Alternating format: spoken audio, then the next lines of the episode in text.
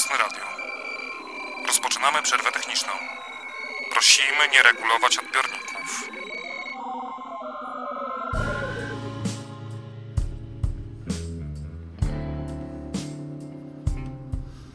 Witam Was serdecznie w piątek 7 września 2018 roku, godzina 21.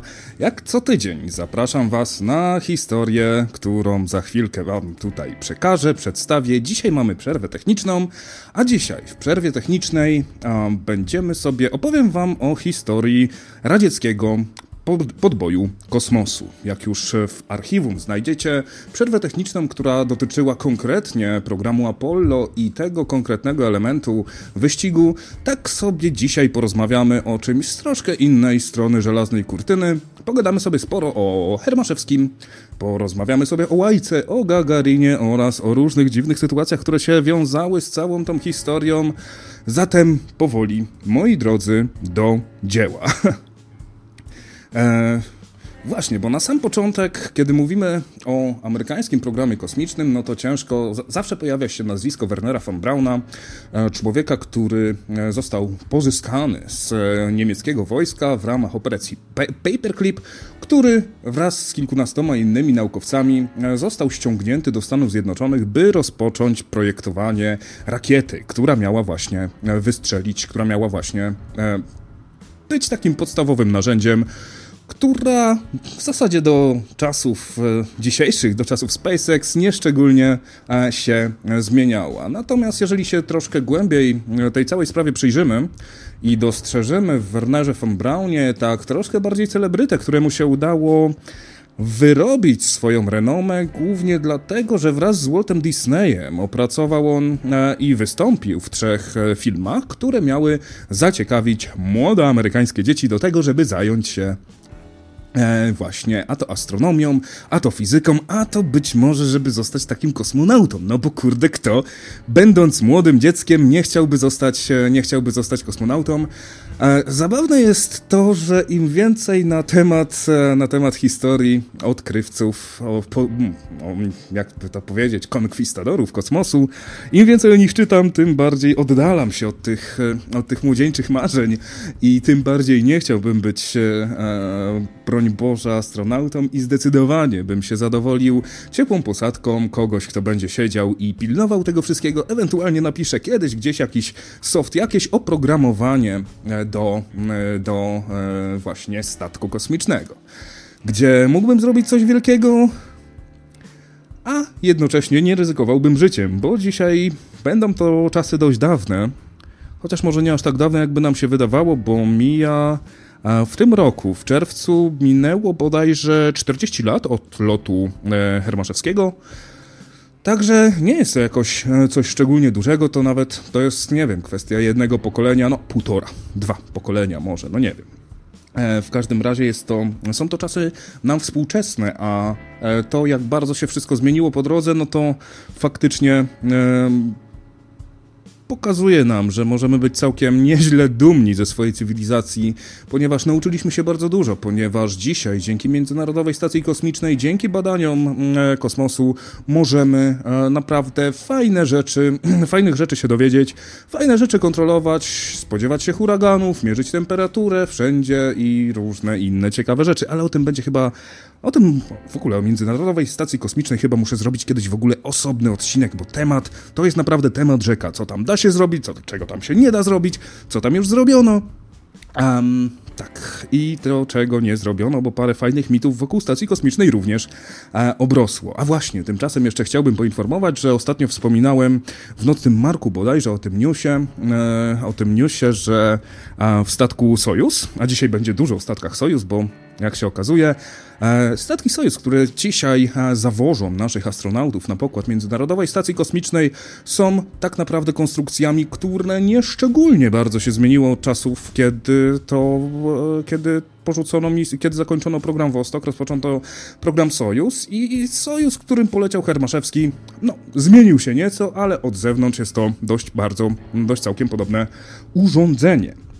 E, także, o, no właśnie, jeszcze wracając do e, kwestii tej Międzynarodowej Stacji Kosmicznej, pojawiły się dość dziwne doniesienia medialne, które mówią o tym, że to był prawdopodobnie sabotaż, ponieważ istotnie została, została w, e, w poszyciu Sojuza w, wywiercona dziura, zalepiona jakimś klejem i zasłonięta, zasłonięta panelem.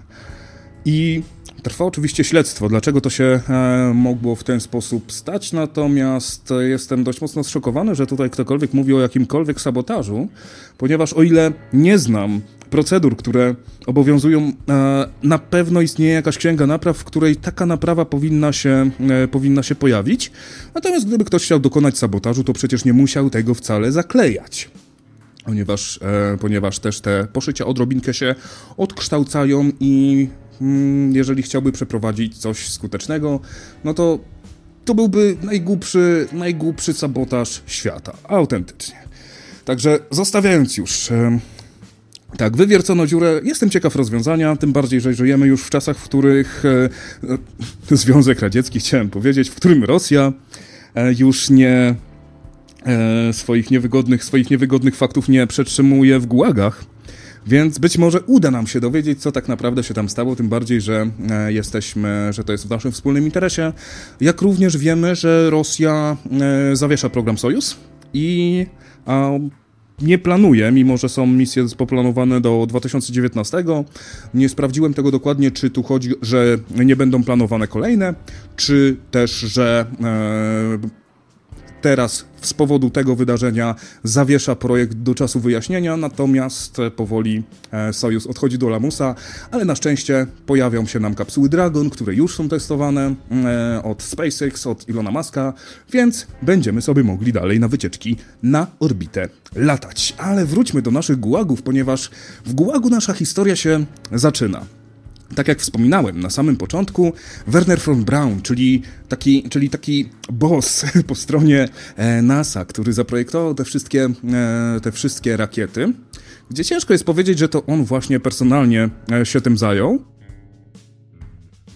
Natomiast trzeba no, jasno zaznaczyć, że Werner von Braun był nie tylko wybitnym naukowcem, ale również celebrytą. I ponieważ razem z tym programem, programem kosmicznym rodziły się też media, jakie znamy współcześnie, on bardzo dobrze się w to e, wpasował. Ze swoją charyzmą, ze swoim podejściem, taki troszkę właśnie Nikola Tesla, tylko urodzony troszkę później, który potrafił wokół siebie za, zebrać ludzi, także aż chciało się go słuchać, bo on tak fajnie opowiadał. Wiecie, znacie wszyscy tacy, takich ludzi, gdzie jeżeli mówią o czymś, czym się fascynują, to jest naprawdę aż miło, to, aż miło tego posłuchać. Nawet jeżeli nic z tego nie rozumiesz, fajnie posłuchać, jak ktoś się czymś jara. A Werner von Braun się zabójczo jarał rakietami i podróżami w kosmos. E, no właśnie, natomiast e, co z tą biedną Rosją? No, e, Związek Radziecki nie miał co prawda Wernera von, von Brauna, natomiast e, miał co najmniej parę gułagów,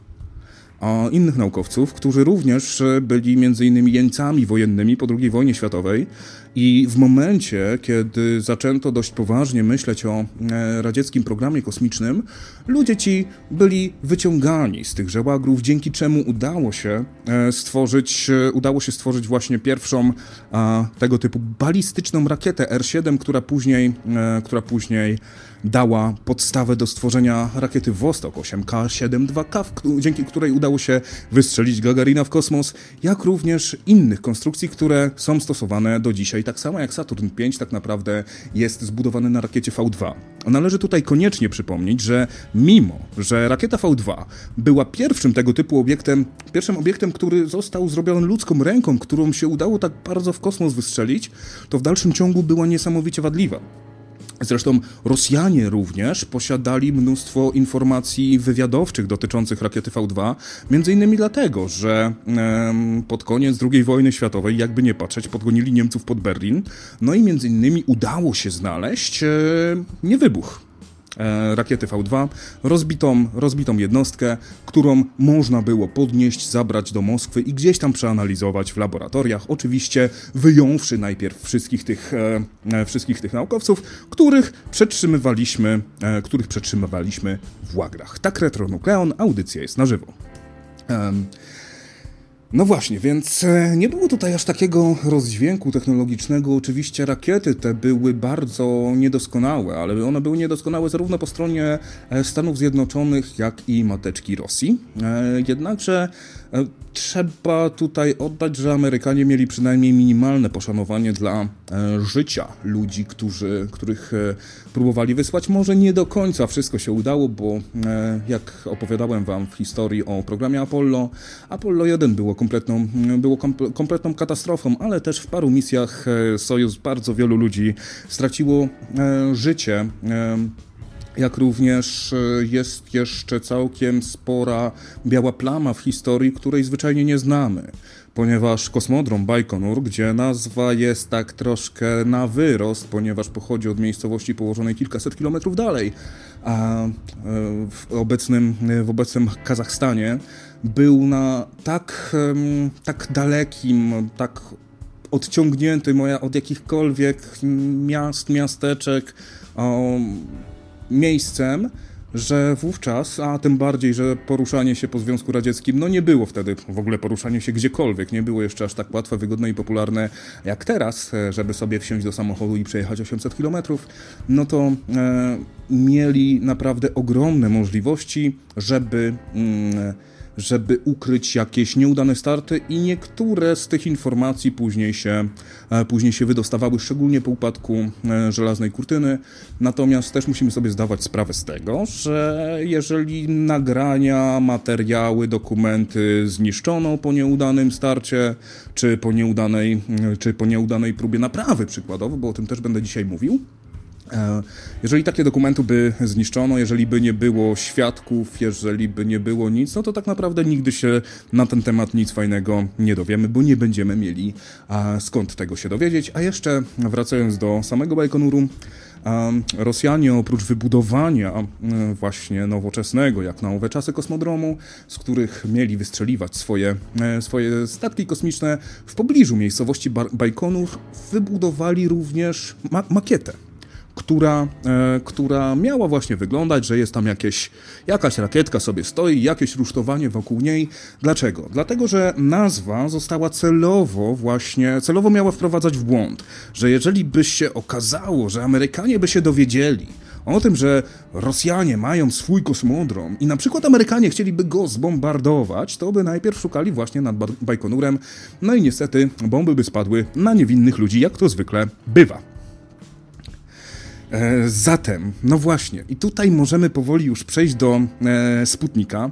Sputnika, który kompletnie rozłożył na kolana e, Amerykanów. 4 października 1957 roku o 19.28 wystartowała rakieta nośna ze Sputnikiem. Co 4 godziny okrążała ona, Sputnik okrążał Ziemię, wydając z siebie charakterystyczne ping, ping oraz e, miał dodatkowe m.in. czujniki, które e, badały temperaturę na zewnątrz e, Sputnika i w jego wnętrzu, co też pozwoliło później na zebranie odpowiednich informacji, by stworzyć, by, by stworzyć statek kosmiczny Vostok, którym leciał Gagarin, którym leciała Łajka, o czym jeszcze będę, o czym jeszcze dzisiaj dużo szerzej będę oczywiście e, mówił. Sputnik, ważący 84 kg, o szerokości 58 cm, jeżeli mnie dobrze, jeżeli e, mnie pamięć nie myli, okrążył glob 1400 razy, zanim wszedł powoli w atmosferę i zaczął się swajczać.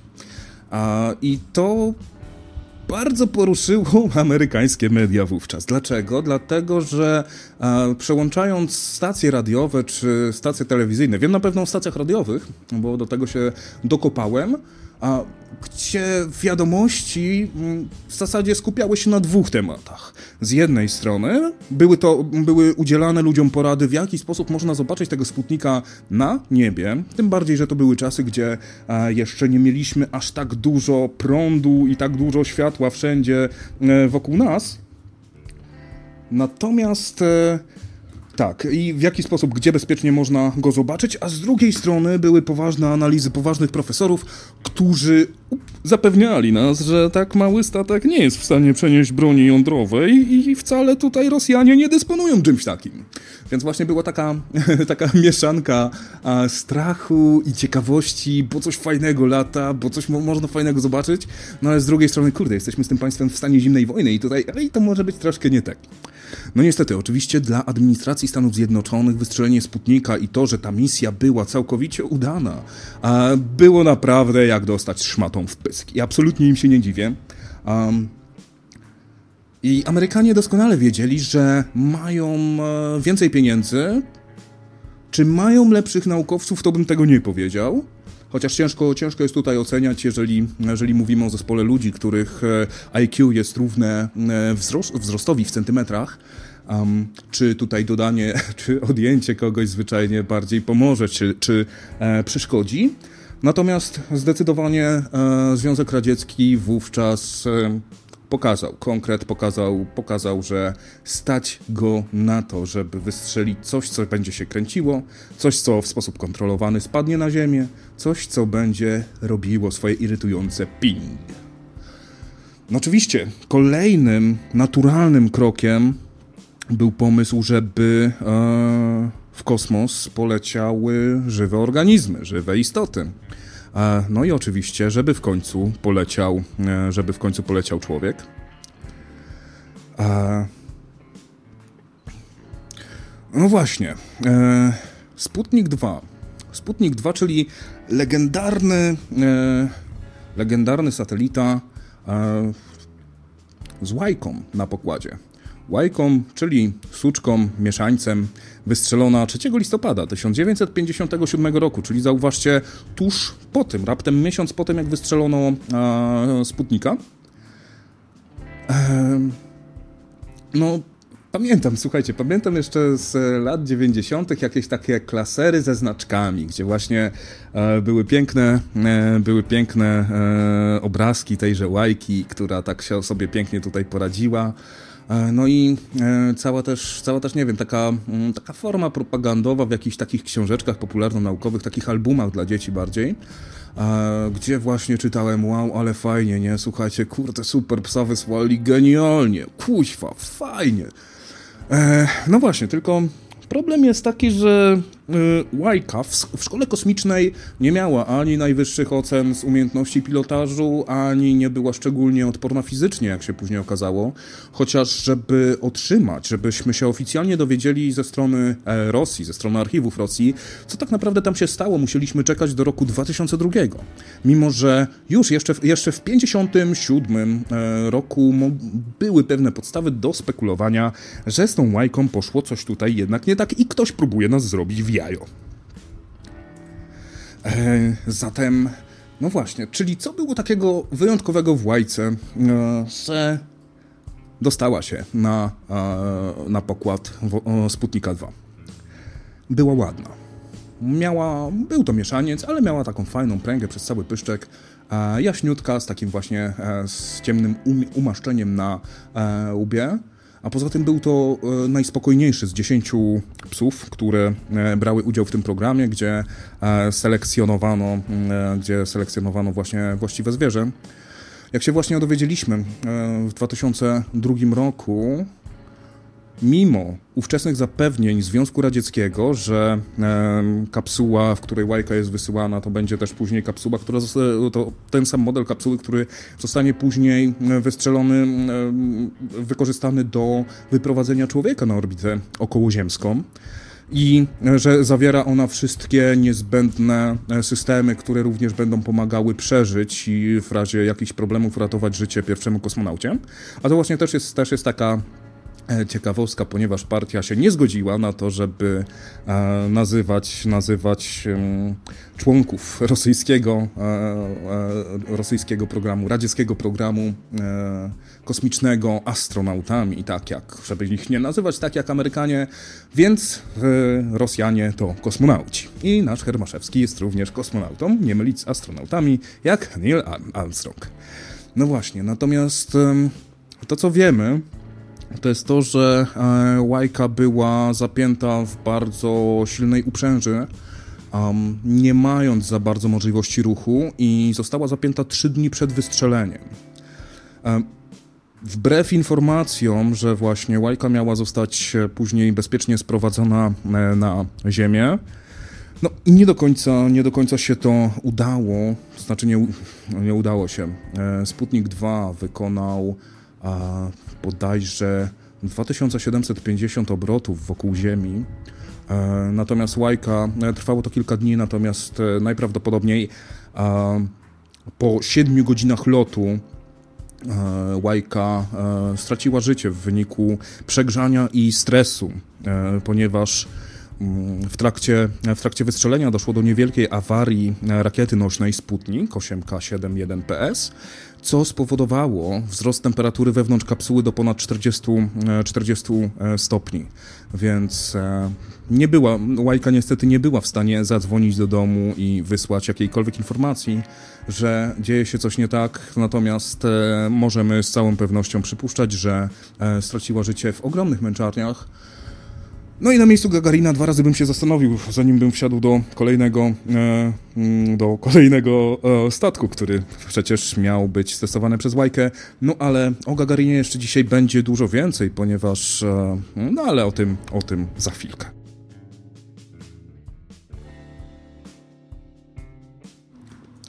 Rosjanie jednak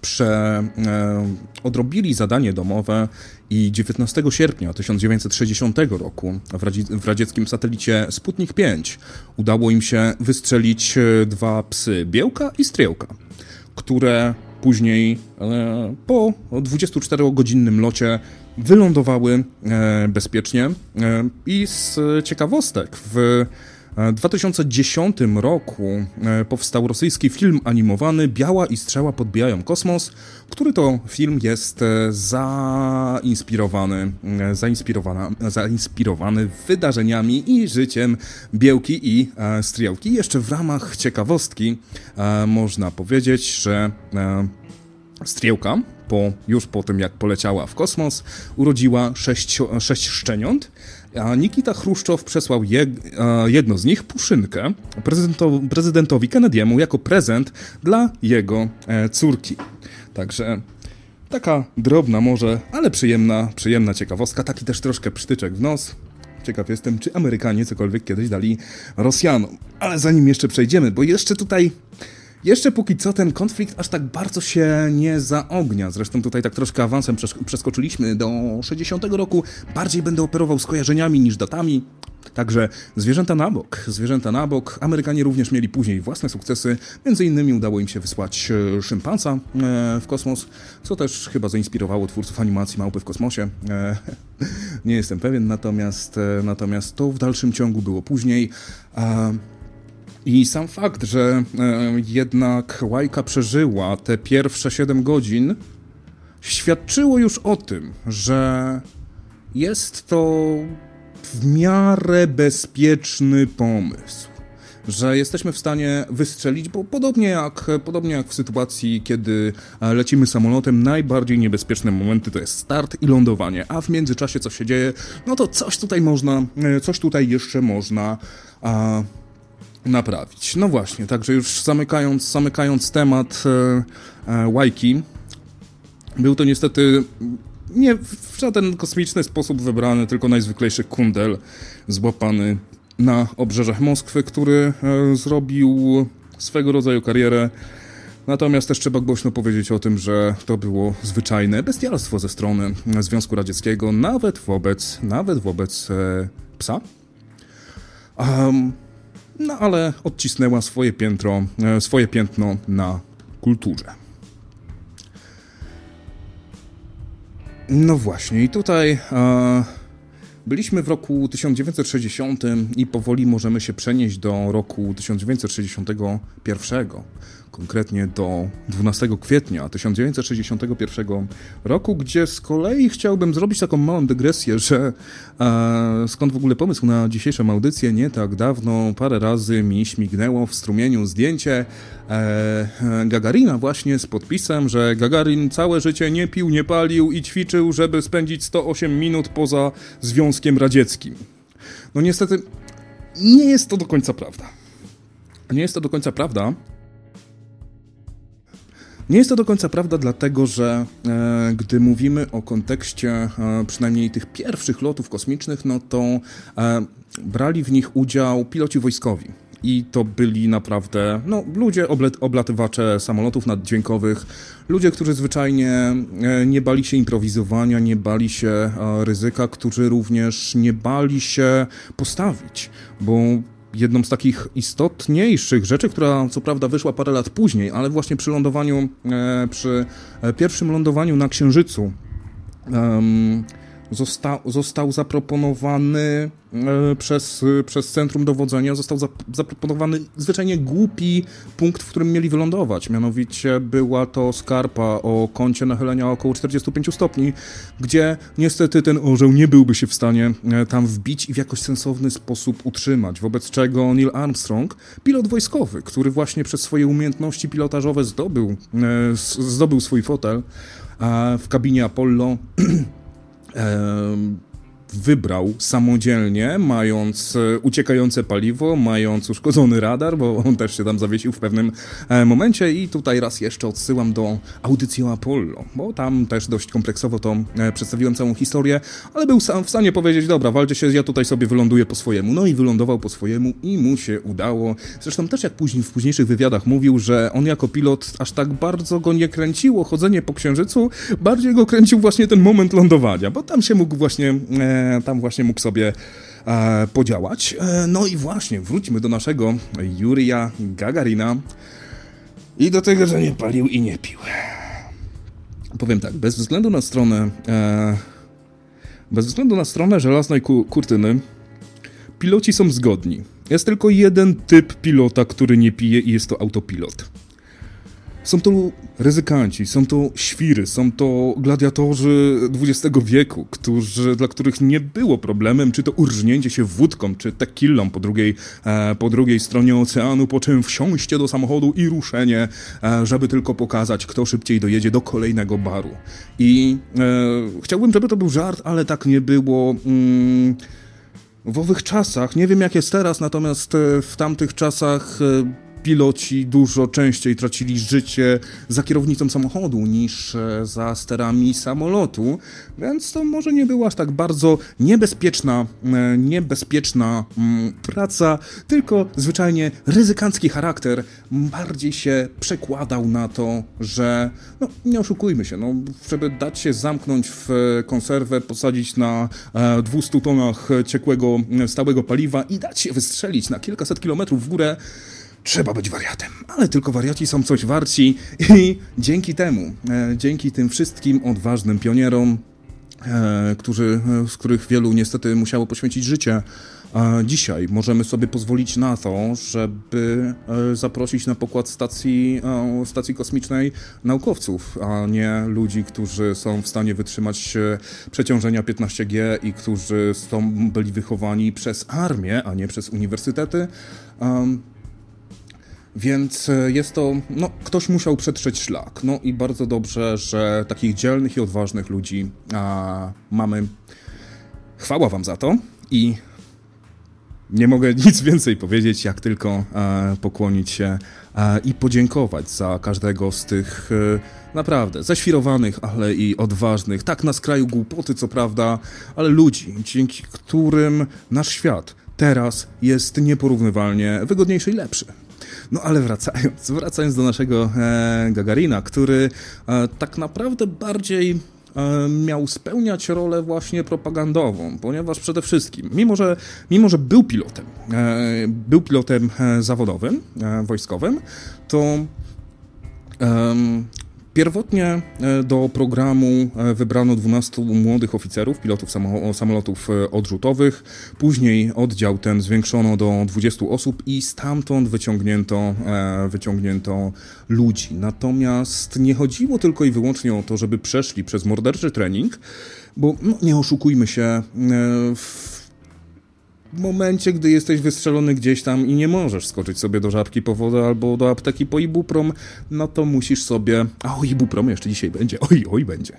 A, to musisz być naprawdę w idealnym, w idealnym stanie zdrowia. Oprócz tego musisz być kurduplem, ponieważ jeżeli miałeś, masz więcej niż 178 cm, to wtedy ci zwyczajnie nie będzie można zrobić dobrego fotela do statku kosmicznego Sojus, wobec czego nie możesz, nie możesz tam polecieć, więc no niestety, niestety jestem skreślony o 2 cm jako e, z roli potencjalnego e, astronauty czy kosmonauty, ale trudno. Są ludzie lepsi i odważniejsi, którzy, którzy bardziej się do tego nadają niż ja. No właśnie, więc wracając do naszego, e, no właśnie, nie chodziło tylko i wyłącznie o umiejętności, o zdrowie, chociaż nie były one bez znaczenia oczywiście, o czym będę mówił troszkę więcej, gdy e, będę Wam opowiadał o programie Interkosmos. Natomiast e, bardziej e, chodziło również o pochodzenie, dlatego że już sobie tylko tutaj Yuri Gagarin urodził się we wsi w obwodzie smoleńskim. Jego ojciec był solarzem, matka pracowała jako dojarka w kołchozie, więc był takim wiecie, takim kimś z podwórka, kimś z kim możesz się zidentyfikować, jako ty, młody człowiek, który zastanawia się, e, jaką sobie drogę przyszłości wybrać i widzisz, że koleś, który tutaj praktycznie siłą od pługa oderwany, e, dostał się do programu kosmicznego, jest pierwszym człowiekiem w kosmosie, o którym będą się przez setki, tysiące lat nasza cywilizacja, jeżeli sami siebie nie zarżniemy wcześniej, będziemy się uczyć o tym konkretnym nazwisku. Kto nie chciałby aż tak bardzo przejść do historii?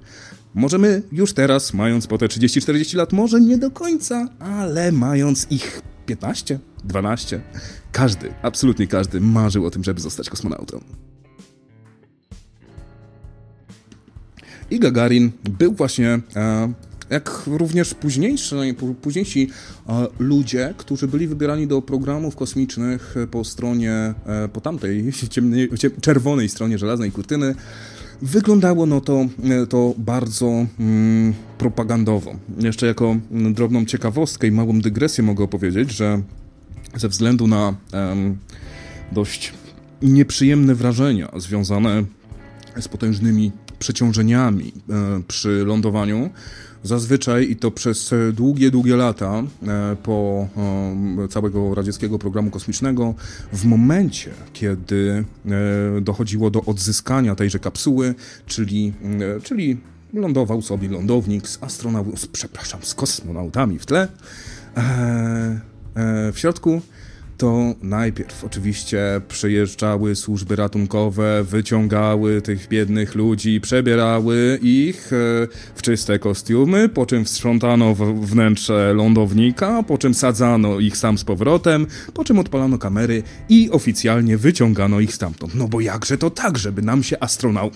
Kurde, kosmonauta. Żeby nam się kosmonauta zwymiotował przy lądowaniu.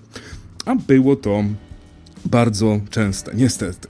E, Vostok 1 miał jeszcze jedną charakterystyczną, e, charakterystyczną cechę ze względu na dość nietypowy sposób lądowania, ponieważ nie udało się jeszcze zaprojektować bezpiecznego lądownika.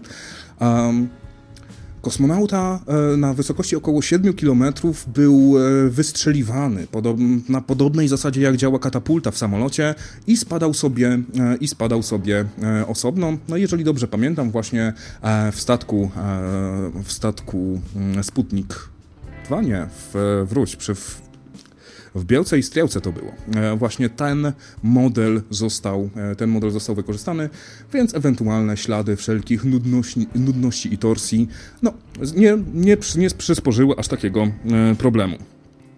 Trzeba jeszcze tutaj zaznaczyć, że znajdujemy się cały czas w roku 1961 i w świadomości Rosjan cały czas istniała, cały czas istniała sytuacja z maja 1960 roku, w, którym to, w której to amerykański szpieg Gary Powers e, leciał nad Związkiem Radzieckim i samolot został mm, zestrzelony. Pierwszymi osobami, które zobaczyły Gagarina, była, były żona Gajowego i jego, jej e, wnuczka, które pieliły ziemniaki. E, w pierwszym momencie bardzo się przestraszyły i chciały uciekać, myśląc, że mają do czynienia z amerykańskim szpiegiem. Ten zaś e, odezwał się płynnym, płynnym, płynnym e, rosyjskim, że nie, że, e, że wszystko jest ok, że on jest, on jest swój. No i właśnie poprosił o, o to, czy może skorzystać z telefonu, ponieważ lądowanie nie udało się za bardzo e, i nie trafił dokładnie w to miejsce, w którym miał, e, w którym miał e, trafić. Różnica była raczej kilkaset kilometrów, co w sytuacji, kiedy pędzimy e, z nieprzyzwoitą szybkością, okrążając Ziemię, to jest parę sekund, parę sekund nieudanego, mm, nieudanego ruchu. No właśnie, jeszcze dwa słówka o sterowaniu mm, statku Vostok 1. E, statek był w całości sterowany z ziemi, a Yuri Gagarin był troszkę jak łajka, e, zawieszony w pewnej uprzęży i nie miał, to znaczy miał możliwość, e, ponieważ statek Vostok 1 miał swój panel kontrolny, który można było, który można było użyć do sterowania, natomiast ten panel był zabezpieczony kodem, bez wpisania którego nie można było z niego korzystać i było to zdalnie sterowane sygnałami radiowymi z Ziemi. Kod ten się znajdował w zalakowanej kopercie na pokładzie e, statku Vostok, natomiast jeden z inżynierów, jak się później dowiedzieliśmy, e, przekazał Gagarinowi e, hasło do odblokowania z obawy, że jeżeli coś pójdzie nie tak, to zwyczajnie nasz kosmonauta, nasz pierwszy człowiek w kosmosie, o którym wiemy oficjalnie, będzie zbyt zestresowany, żeby szukać jakiejś karteczki, że jeszcze mu coś z rąk wypadnie, tym bardziej, że nie miał tam za bardzo e, swobody ruchu. A nie miał też za, za, bardzo swobody ruchu, dlatego że wtedy jeszcze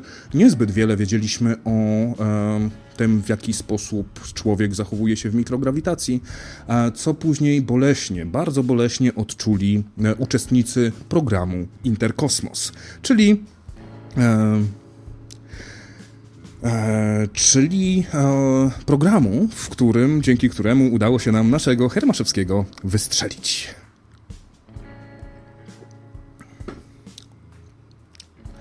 No i wystrzelenie człowieka w kosmos było szmatą na drugi policzek w stronę, e, w stronę e, USA. Więc e, no,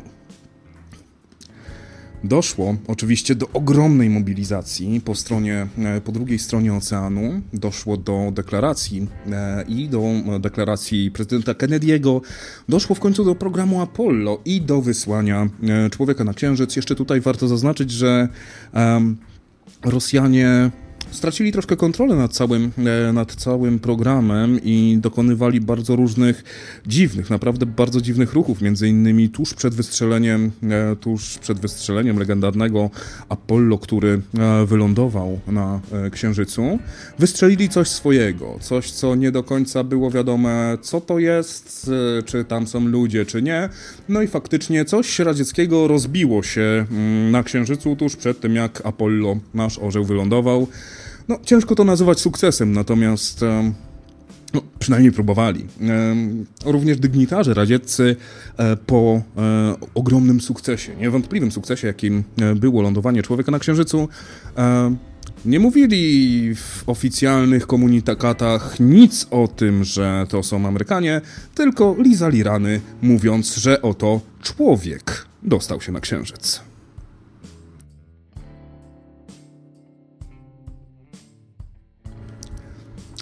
No właśnie, zaś e, w międzyczasie, e, w międzyczasie o Związek Radziecki prowadził program Sojus, e, który również był dość, mm, dość rewolucyjny ze względu na to, że w pewnym momencie zaczęły powstawać, zaczęły powstawać małe, niewielkie, niewielkie stacje kosmiczne, serii e, stacje orbitalne serii Salut, które były wielkości małej kawalerki. No i później oczywiście stacja Mir. Natomiast trzeba jasno przyznać, że e, Salut był dużo wcześniej niż amerykański Skylab, więc mimo, że już zrobiło się głośno, że już Amerykanie wylądowali na Księżycu, to jeszcze mm, nie, nie było powodu, żeby, żeby Amerykanie aż tak bardzo trąbili sukces, ponieważ dzisiaj tak wiele lat po tych wszystkich wydarzeniach, to właśnie stacja kosmiczna i wiedza, którą wyciągnęliśmy z tych wszystkich maleńkich stacyjek kosmicznych, które po drodze zostały zbudowane, no może nie tak maleńkich, bo to ważyło około 18 ton. No właśnie, niedługo będzie kolejny odcinek 19 ton, ale to jeszcze przygotowuję. e, wracając do naszych, do naszych kochanych Rosjan, do naszych Sowietów, którzy bawili się w stacje kosmiczne już dużo, dużo e, wcześniej. E, pierwszą, taką, e, pierwszą taką misją był Sojus 10, który miał stanowić pierwszą wizytę na pierwszej stacji kosmicznej świata, Salut 1. Wystartował statek zgodnie z planem, natomiast niestety e, był bardzo, bardzo duży problem z dokowaniem, ponieważ e, wcześniej oczywiście e, dochodziło do, dochodziło do testów, o którym o, łączenia dwóch różnych statków które w zasadzie zainicjalizowały, zainicjowały całą, całą historię, no ale może faktycznie tak, może tutaj za bardzo się pospieszyłem i zaczniemy od e, Sojuzu, Sojuza 1, e, gdzie on, jedynym załogantem był Władimir Komarow, mm, a całość się działa kilka miesięcy po tragicznej śmierci załogi Apollo 1, gdzie doszło do zapłonu, kiedy jeszcze kapsuła była e, na Ziemi, nasycone, e, nasy wypełniona tlenem atmosfera była idealna do tego, żeby się fajczyć w efekcie czego kilku, e, kilku wspaniałych ludzi musiało stracić życie. Nie powstrzymało to oczywiście Amerykanów w dalszym, w dalszym podboju, natomiast e, warto też się tutaj nad tym zastanowić i zatrzymać, ponieważ e, to były, podobnie jak tragedia Apollo 1, tragedia Sojuza 1 też było czymś, co należałoby, co można było powstrzymać. Władimir Komarow w dniu, mm, w dniu planowanego e, startu 23 kwietnia 1967 roku był określany przez obserwatorów w notatkach, że mm, przybity w depresji i tak dalej. Miał całkiem sporo powodów, żeby być przybitym. Miał ich konkretnie 203 powody, ponieważ e, w konstrukcji statku Sojus 1 znaleziono dokładnie 203 błędy konstrukcyjne, a każdy z nich mógł doprowadzić do awarii, która mm, sprawiłaby, że to się nie uda, że to się, że to się nie powiedzie, że no niestety ten statek kosmiczny, nawet jeżeli wystartuje, to nie wróci. O ile start Sojuza 1 odbył się bez żadnych problemów, to natomiast po e, osiągnięciu zaplanowanej orbity e, jeden z paneli słonecznych zwyczajnie nie rozwinął się ze względu na to, że zaplątał się w e, jeden z elementów komputera, e, z, z okablowaniem komputera pokładowego.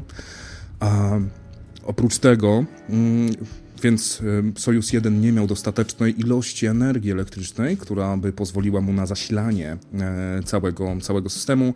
Oprócz tego zostały, została zaburzona praca kilku czyn, e, czujników, nie tylko ze względu na e, brak zasilania, ale również wady konstrukcyjne, co spowodowało, że bardzo mm, ciężko było bez jakiegokolwiek, bez pomocy ze strony zdolnego pilota odrobinkę ustabilizować ten, e, odrobinkę ustabilizować ten e, lot. Kiedy już się odrobinkę udało e, Komarowowi tego dokonać, stwierdził, że nie, słuchajcie, to koniec, tak? No, bo ta misja się nie uda, ponieważ cała misja zakładała, że potem wystrzelą Sojuza 2 i dojdzie do połączenia tych dwóch statków na orbicie i będzie to, i, będzie, i to będzie jakiś taki pierwowzór właśnie wchodzenia na, e, na późniejsze planowane e, stacje orbitalne. E, dlaczego tak bardzo ciśnięto ze względu na datę? 23 kwietnia 1967 roku czyli tuż przed 1 maja. E, planowane połączenie miało mieć miejsce 1 maja, e, żeby to ładnie propagandowo wyglądało, żeby trafić w ważne dla Związku Radzieckiego święto. E, gdy, gdy Władimir Komarow podjął decyzję o tym, że jednak misja zostanie przerwana i on nie będzie dalej się bawił tym e, skopsanym statkiem. Zaczął całkiem, e, zaczął całkiem sensownie opadać. Udało mu się bardzo dobrze wejść w, w atmosferę. Natomiast mimo tego, że naprawdę fantastycznie, e, fantastycznie udało mu się to przeprowadzić, e, awaria czujnika ciśnienia atmosferycznego sprawiła, że nie otworzył się główny spadochron. Rozwinął się tylko maleńki e, spadochron hamujący, który, który tak naprawdę nie miał za bardzo, za bardzo możliwości, choćby odrobinkę wyhamować E, wyhamować lądującego statku. Ciężko to nazwać lądowaniem, ponieważ prędkość w chwili uderzenia w ziemię wynosiła ponad 50 metrów na sekundę. Kapsuła całkowicie została, mm, kapsuła całkowicie spłonęła, natomiast z analizy szczątków okazało się, że oprócz e, awarii czujnika również były zaplątane spadochrony, e, co spowodowało, że się nie otworzyły w poprawny sposób. Co więcej, Sojus 2, który już czekał na zatankowanej już e, rakiecie gotowej do startu, posiadał tę samą wadę konstrukcyjną i gdyby został wystrzelony, skończyłoby się to dokładnie w ten sam sposób, bez możliwości naprawy e, całej, mm, całego bajzlu na orbicie. E, Komarow wiedział doskonale o tych wszystkich problemach, a mimo to e, pytany, dlaczego nie odmówi udziału w tej misji, powiedział, że robi to dla swojego przyjaciela, Jurija Gagarina, który był zapasowym pilotem i który zostałby wsadzony do e, Sojuza 1, gdyby Komarow się e, wypiął. Także piękny gest w dziwnym świecie, w ciekawych, e, w ciekawych okolicznościach.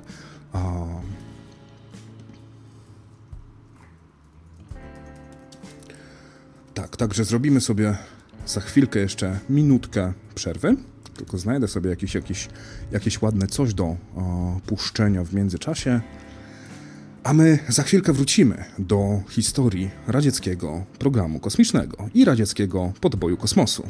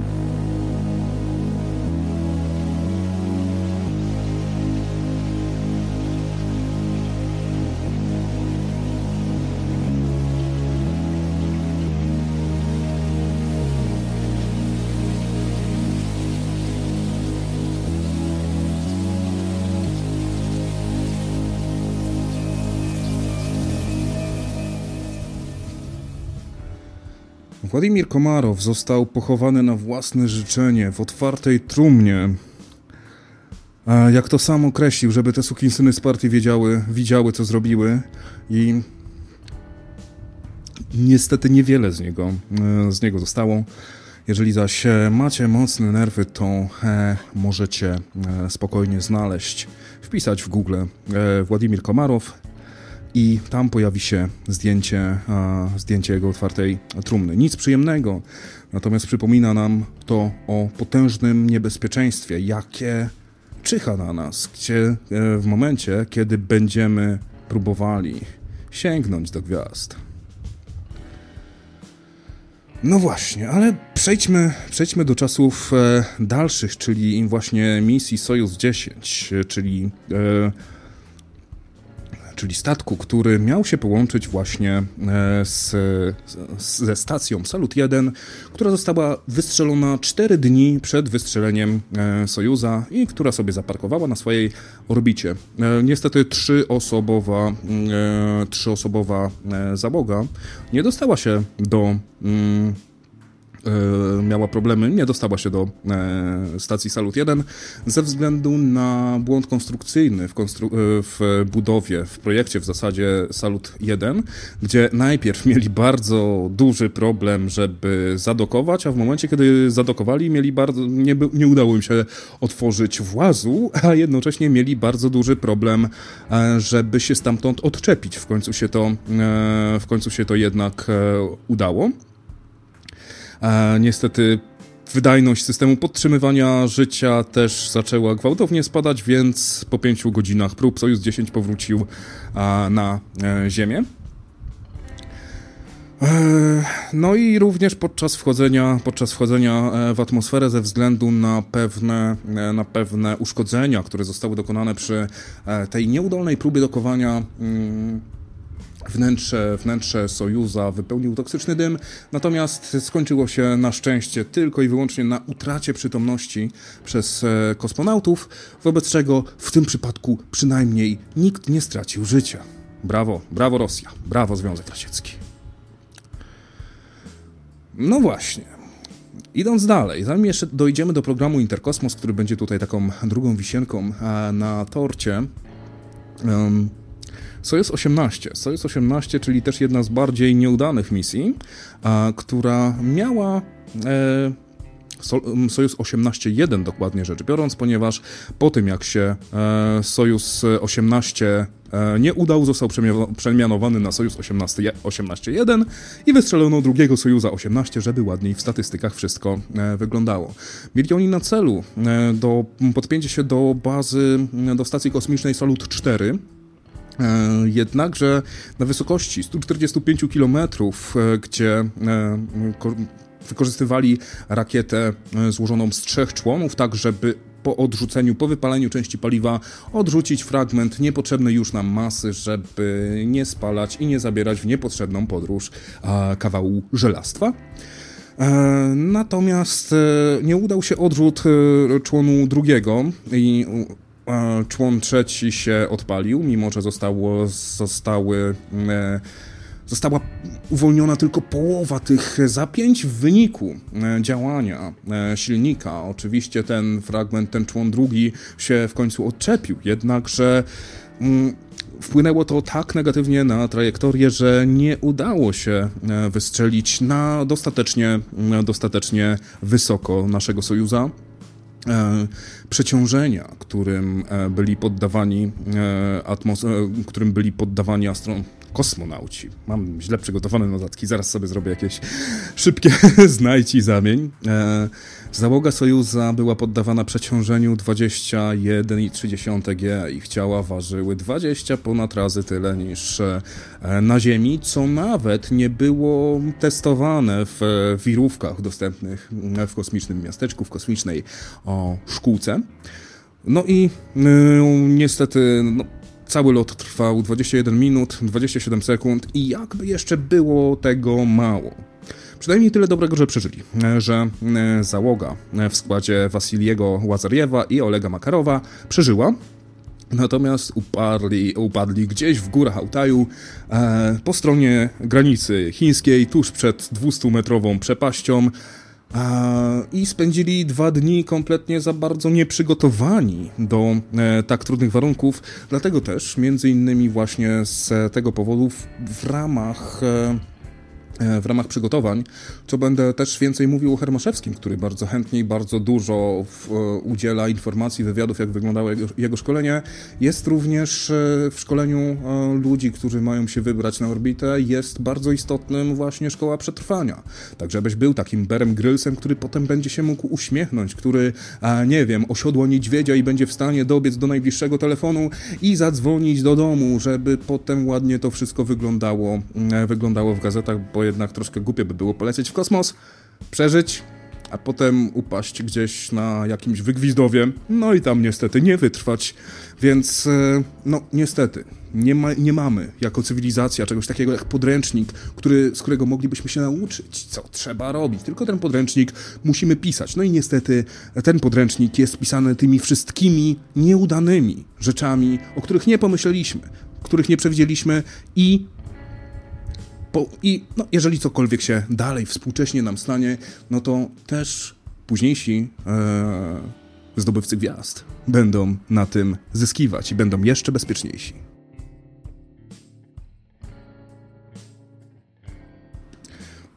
No właśnie, a tutaj powoli, powoli chciałbym już przejść do e, programu Interkosmos.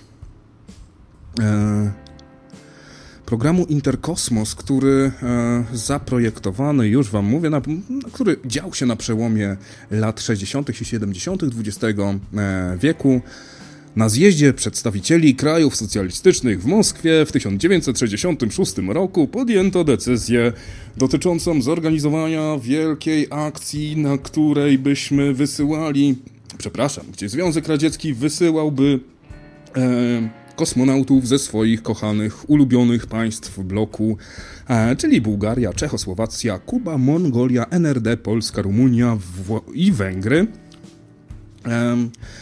No i w ramach, e, w ramach tego o, w ramach tego projektu już nie mam do końca ile tutaj ich wszystkich jest. Natomiast tak, były położone pewne konkretne były położone pewne e, konkretne założenia, innymi to, że każdy z kosmonautów e, będzie spędzał odpowiedni, o, taką samą ilość czasu na orbicie. Było to, jeżeli dobrze pamiętam, 7 dni, 20 kilka godzin, plus minus jedna godzina, tak żeby żaden kraj nie czuł się w żaden sposób e, pokrzywdzony, że a, bo wy tutaj nie lubicie Niemców, to coś tam, to, to coś tam. No i Oczywiście powoli przechodząc do naszego kochanego e, Hermaszewskiego, e, który się dostał jako drugi, e, jako w ramach drugiego lotu Interkosmos misji Sojus, Sojus 30. No właśnie, dlaczego drugi, a nie pierwszy? Ponieważ Poland First to Fight, jak to ostatnio widzieliśmy na pewnym banerze w Szczecinie. Dlatego, że politycznie mieliśmy wpływy. E, w Związku Radzieckim. Oprócz tego nie chcieliśmy pod żadnym pozorem przepuszczać NRD, ze względu na to, że to właśnie według ówczesnej narracji, oczywiście, ze względu na to, że to Polacy wraz z Rosjanami wyzwalali NRD spod okupacji hitlerowskiej. Ale jednak Hermaszewski musiał przepuścić e, mm, Władimira Remka e, z Czechosłowacji. Dlaczego?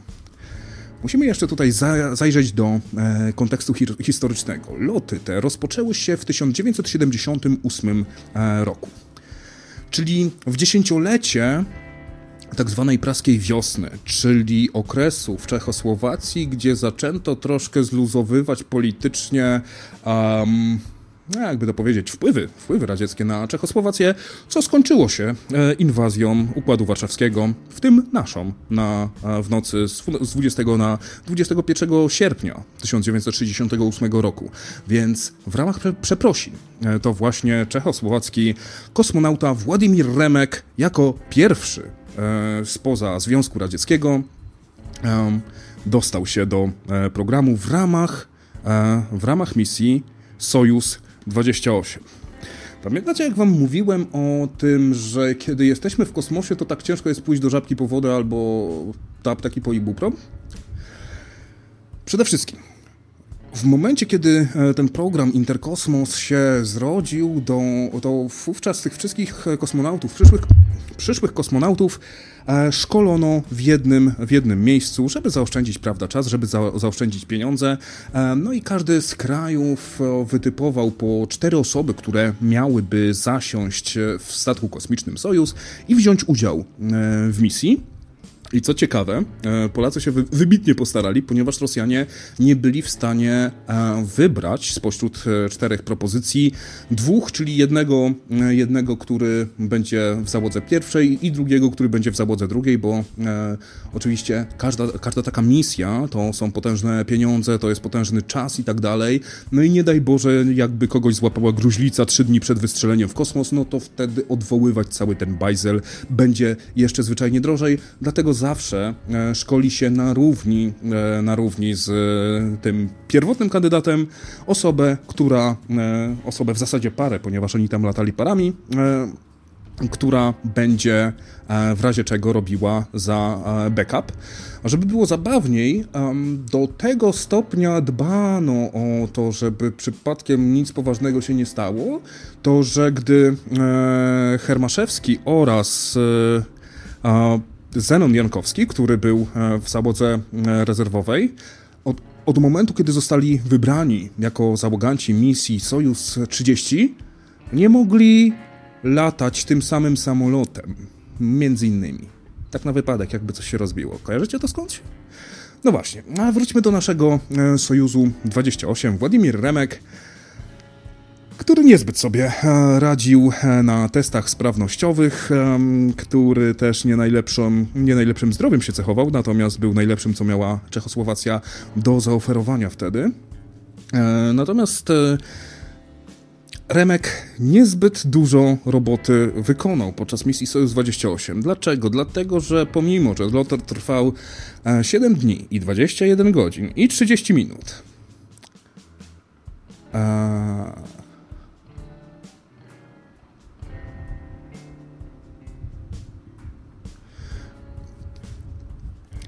moment, już jestem.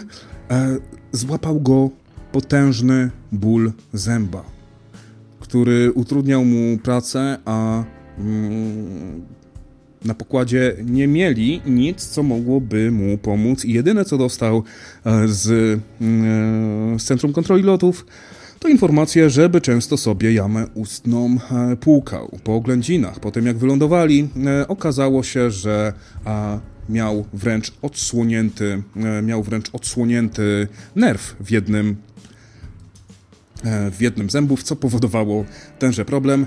Dlatego też, dlatego też e, nauczyliśmy się zabierać pewne rzeczy ze sobą na orbitę. No i właśnie, przechodząc do naszego Hermoszewskiego, który e, startował nie tak późno po, po misji Sojus 28, E, bo zaledwie parę e, miesięcy. Trzy słowa, generalnie tak. E, dużą częścią inspiracji do dzisiejszej audycji jest książka, a zaraz wam powiem, żebym nie walnął się z tytułem. Cena nieważkości bodajże, ale za chwilkę wam dokładnie powiem. E, tak, Dariusz Krotko, Marcin Pietraszewski, e, Cena nieważkości, kulisy lotu Polaka w kosmos, z której to parę ciekawostek chciałem Wam rzucić między innymi to, że e, z tego przygotowania, przygotowania fizycznego, e, z którego, mm, które wyglądało, które było coraz ostrzejsze, no między innymi e, w mediach, w lokalnej prasie pokazały się informacje o tym, że po górach biega jakaś grupa wariatów, którzy robią trasę, którą przewodnicy robią w dwie godziny, oni robią, robią w godzinę i jeszcze potem biegną gdzieś tam na, gdzieś tam na Giewont. E, natomiast Hermaszewski miał pewne e, drobne problemy zdrowotne, e, które miały go, które rzekomo miały go blokować. Jedną z nich były migdałki, które bardzo się nie podobały lekarzowi prowadzącemu. I przed w święta Bożego Narodzenia 1977 roku, kilka miesięcy przed odbyciem misji Sojus 30, W dniu Bożego Narodzenia został wezwany e, do szpitala, gdzie te migdałki mu operacyjnie usunięto, po czym lekarz ku swojemu rozbawieniu je przekroił i stwierdził, że kurde, faktycznie są zdrowe. Um, jest jeszcze w całej historii jeden konkretny, jeden konkretny punkt, który mógł sprawić, że to nie on, tylko ktoś inny e, by się znalazł na e, pokładzie statku kosmicznego. Mianowicie w jednym z badań wykryto mu niedomykającą się zastawkę w sercu, a w sytuacji, gdzie wiemy, że nasz układ krążenia dość mocno polega na e, grawitacji, taka wada jest praktycznie dyskwalifikująca i to nawet nie, nie kosmonautę, ale nawet takiego nurka to powinno dyskwalifikować. Hermaszewski stanął koniem, e, dlatego że był pilotem odrzutowców naddźwiękowych i e, gdyby taką wadę serca posiadał, musiałby e, to zwyczajnie by już to odczuł i właśnie stojąc przed komisją stwierdzono, że należy wykonać po ponowne, ponowne badania, no i się okazało, że ktoś coś schrzanił w tychże badaniach, więc o takie detale mogą się, e, mogą się rozbijać. E, e, może się rozbijać to, czy na pokład statku kosmicznego wejdziemy, czy nie. Także pilnujcie swoich książeczek zdrowia. No właśnie, troszkę jeszcze o propagandzie, ponieważ w momencie, kiedy mm, Hermaszewski został wystrzelony, przede wszystkim do końca Naprawdę, do momentu, kiedy nie zostanie wykonany zapłon w rakiecie, to nie do końca wiadomo, czy to właśnie Mirosław Hermaszewski, czy rezerwowy pilot e, Zenon Jankowski znajdzie się e, w tym statku kosmicznym i dopiero wówczas możemy, e, możemy się upewnić. Jak się okazuje, machina propagandowa oczywiście ruszyła, no, po, no kurde, nie, nie oszukujmy się, pierwszy Polak w kosmosie, to nie jest w kij dmuchał, maszyna propagandowa e, musiała ruszyć zawczasu, wobec czego między innymi przygotowano, e, przygotowano serię okolicznościowych znaczków Poczty Polskiej, które zawierały, część zawierała wizerunek Mirosława Hermaszewskiego, druga część zaś Zenona Jankowskiego, no i w sytuacji, gdy już będzie wiadomo, który z nich tak naprawdę a, poleciał w kosmos, no to wtedy te e, znaczki e, tego, który został na Ziemi, trzeba będzie e, zniszczyć komisyjnie. No, ale jak to w takich sytuacjach bywa, udało się uzyskać jakieś kilkaset sztuk, między innymi właśnie Zenon Jankowski dostał, e, dostał to bodajże od Jaruzelskiego, jeden taki znaczek sam ze sobą, no i jak to, mm, jak to w jednym wywiadzie e, bodajże Hermaszewski określił, że kiedy zobaczył ten znaczek, to tak jakby się przeniósł na chwilkę do jakiejś alternatywnej rzeczywistości, w której stało się coś zupełnie, e, zupełnie, in, zupełnie innego. No właśnie, Sojus 30 był to e, drugi lot kosmiczny w ramach programu Interkosmos i miał trafić, miał się połączyć ze stacją orbitalną e, Salut 6, gdzie e, misja ta przebiegła wyjątkowo bezproblemowo mm, e, i e, możemy sobie e, dzisiaj zobaczyć pamiątki po e, kapsuło, przykładowo kapsułę lądownika. Sojus 30 znajduje się w Muzeum Polskiej Technologii, e, Techniki Wojskowej w Warszawie. Tam również znajduje się e, skafander kosmiczny typu Soku Mirosława Hermaszewskiego. Tak. E, no właśnie, całość poszu... A, jeszcze, jeszcze kopuła lądownika również znajduje się, e, również znajduje się w tymże muzeum, wobec czego jeżeli macie, jeżeli mielibyście kiedyś ochotę na własne, własnymi palcami, własnymi rękoma dotknąć, e, dotknąć e, historii, to już wiecie, gdzie możecie ją znaleźć. Właśnie, teraz tak troszkę przejdziemy większym e, susem, ponieważ e, nie wiem, czy do końca mi się chce omawiać cały program Interkosmos od początku do końca, dlatego że miał bardzo solidny wpływ na naszą naukę, dał nam podwaliny do tego, żeby potem powstał Skylab, żeby potem powstała stacja Mir, żeby potem powstała Międzynarodowa Stacja Kosmiczna, która w obecnym czasie robi nam naprawdę fantastyczną robotę. no właśnie, ale koniecznie musielibyśmy się, e, chciałbym się jeszcze zatrzymać tak troszkę e, pod koniec e, na stacji e, Mir, która e, wykonała tytaniczną, tytaniczny przebieg 3 miliardów 638 milionów kilometrów, która od 1986 roku do 2001 roku Podobnie jak współcześnie nasza międzynarodowa stacja kosmiczna już nie była takim bezczelnym eksperymentem, gdzie włazimy z butami i próbujemy coś tutaj wymyśleć, tylko nie, było takim dość bezpiecznym dość bezpiecznym, jak wszystko co radzieckie, ale całkiem bezpiecznym habitatem, w którym można było bez większego ryzyka, e, bez większego ryzyka przeprowadzić właśnie jakieś eksperymenty, e, całą, e, załadować całą gamę e, czujników. Dodatkowo oczywiście był to, była to konstrukcja niezwykle modularna, dzięki czemu się rozrastała podobnie jak nasza, jak nasza współczesna stacja ISS. Um,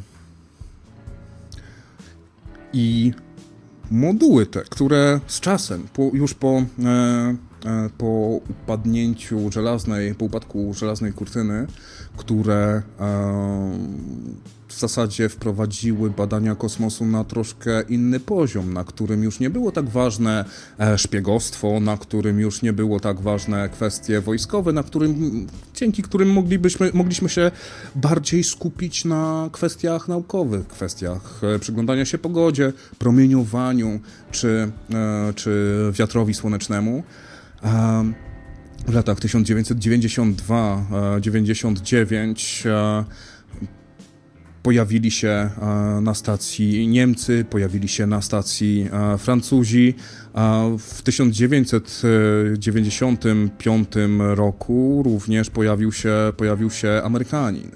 Oprócz tego e, w czerwcu wykonano, w czerwcu 95 wykonano pierwszą z 11 misji wahadłowców, e, wobec czego ta współpraca zaczęła e, przebiegać zupełnie inaczej. No i jeszcze tak słówko o samej kwestii bezpieczeństwa, bo były pewne, były pewne wtopy, były pewne problemy, z którymi, z którymi stacja Mir się musiała mierzyć i to były problemy dużo bardziej poważne niż um, niż wywiercona dziura w, w statku kosmicznym. E, z jaką boryka się e, nasza obecna e, stacja. Natomiast warto tutaj zaznaczyć, że mm, również w 1995 roku na stację przybył Niemiec Thomas Reiter, który spędził na stacji 179 dni, co było całkiem niezłym wynikiem, jak na tamte lata. Dzisiaj oczywiście to pobiliśmy, dzisiaj już mamy człowieka, który spędził w kosmosie okrągły rok, natomiast powoli musimy się, powoli się będziemy musieli wszystkiego, prawda, a, uczyć.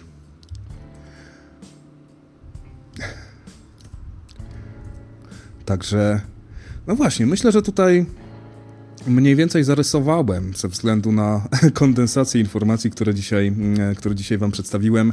Nie jest to oczywiście historia kompletna. Wybrałem rzeczy, które powiedzmy są stosunkowo ciekawe, które się z nami e, osobiście e, wiążą. A, natomiast przy do, dokładniejszej analizie warto jednak zauważyć, że w momencie, kiedy Związek Radziecki przegrał wyścig kosmiczny o Księżyc, zaczął robić coś dużo bardziej praktycznego. Skupił się właśnie na stacjach kosmicznych i może nie wiem, nie chcę tutaj za bardzo rzucać swojej prywatnej e, oceny, bo mi się to troszkę mija z celem, lecz e, wkład, który wkład w naukę i wkład w to, co dzisiaj nam dostarcza internet, rozrywkę i informacje pogodowe, a także przewiduje powodzie, trzęsienia ziemi i wybuchy wulkanów, zawdzięczamy właśnie tymże Rosjanom, tymże Sowietom, którzy kombinowali, którzy robili dziwne eksperymenty, troszkę czasem pod publiczkę, czasami kogoś przypiekli, czasami kogoś zabili. Um, ale jest to coś, co daje nam współcześnie niesamowicie konkretne mm, no, słowo mi uciekło. Nie zalety, tylko korzyści. No właśnie, korzyści. Dlatego też, no właśnie, a jedno pytanie, które mi się tak nasuwa na sam koniec, co nam dał program Apollo? I z tym pytaniem zostawiam Was, moi drodzy, i zapraszam o północy, ponieważ krawiec już się dointernecił i zapowiedział, że się pojawi. No to tymczasem, dobranoc, cześć.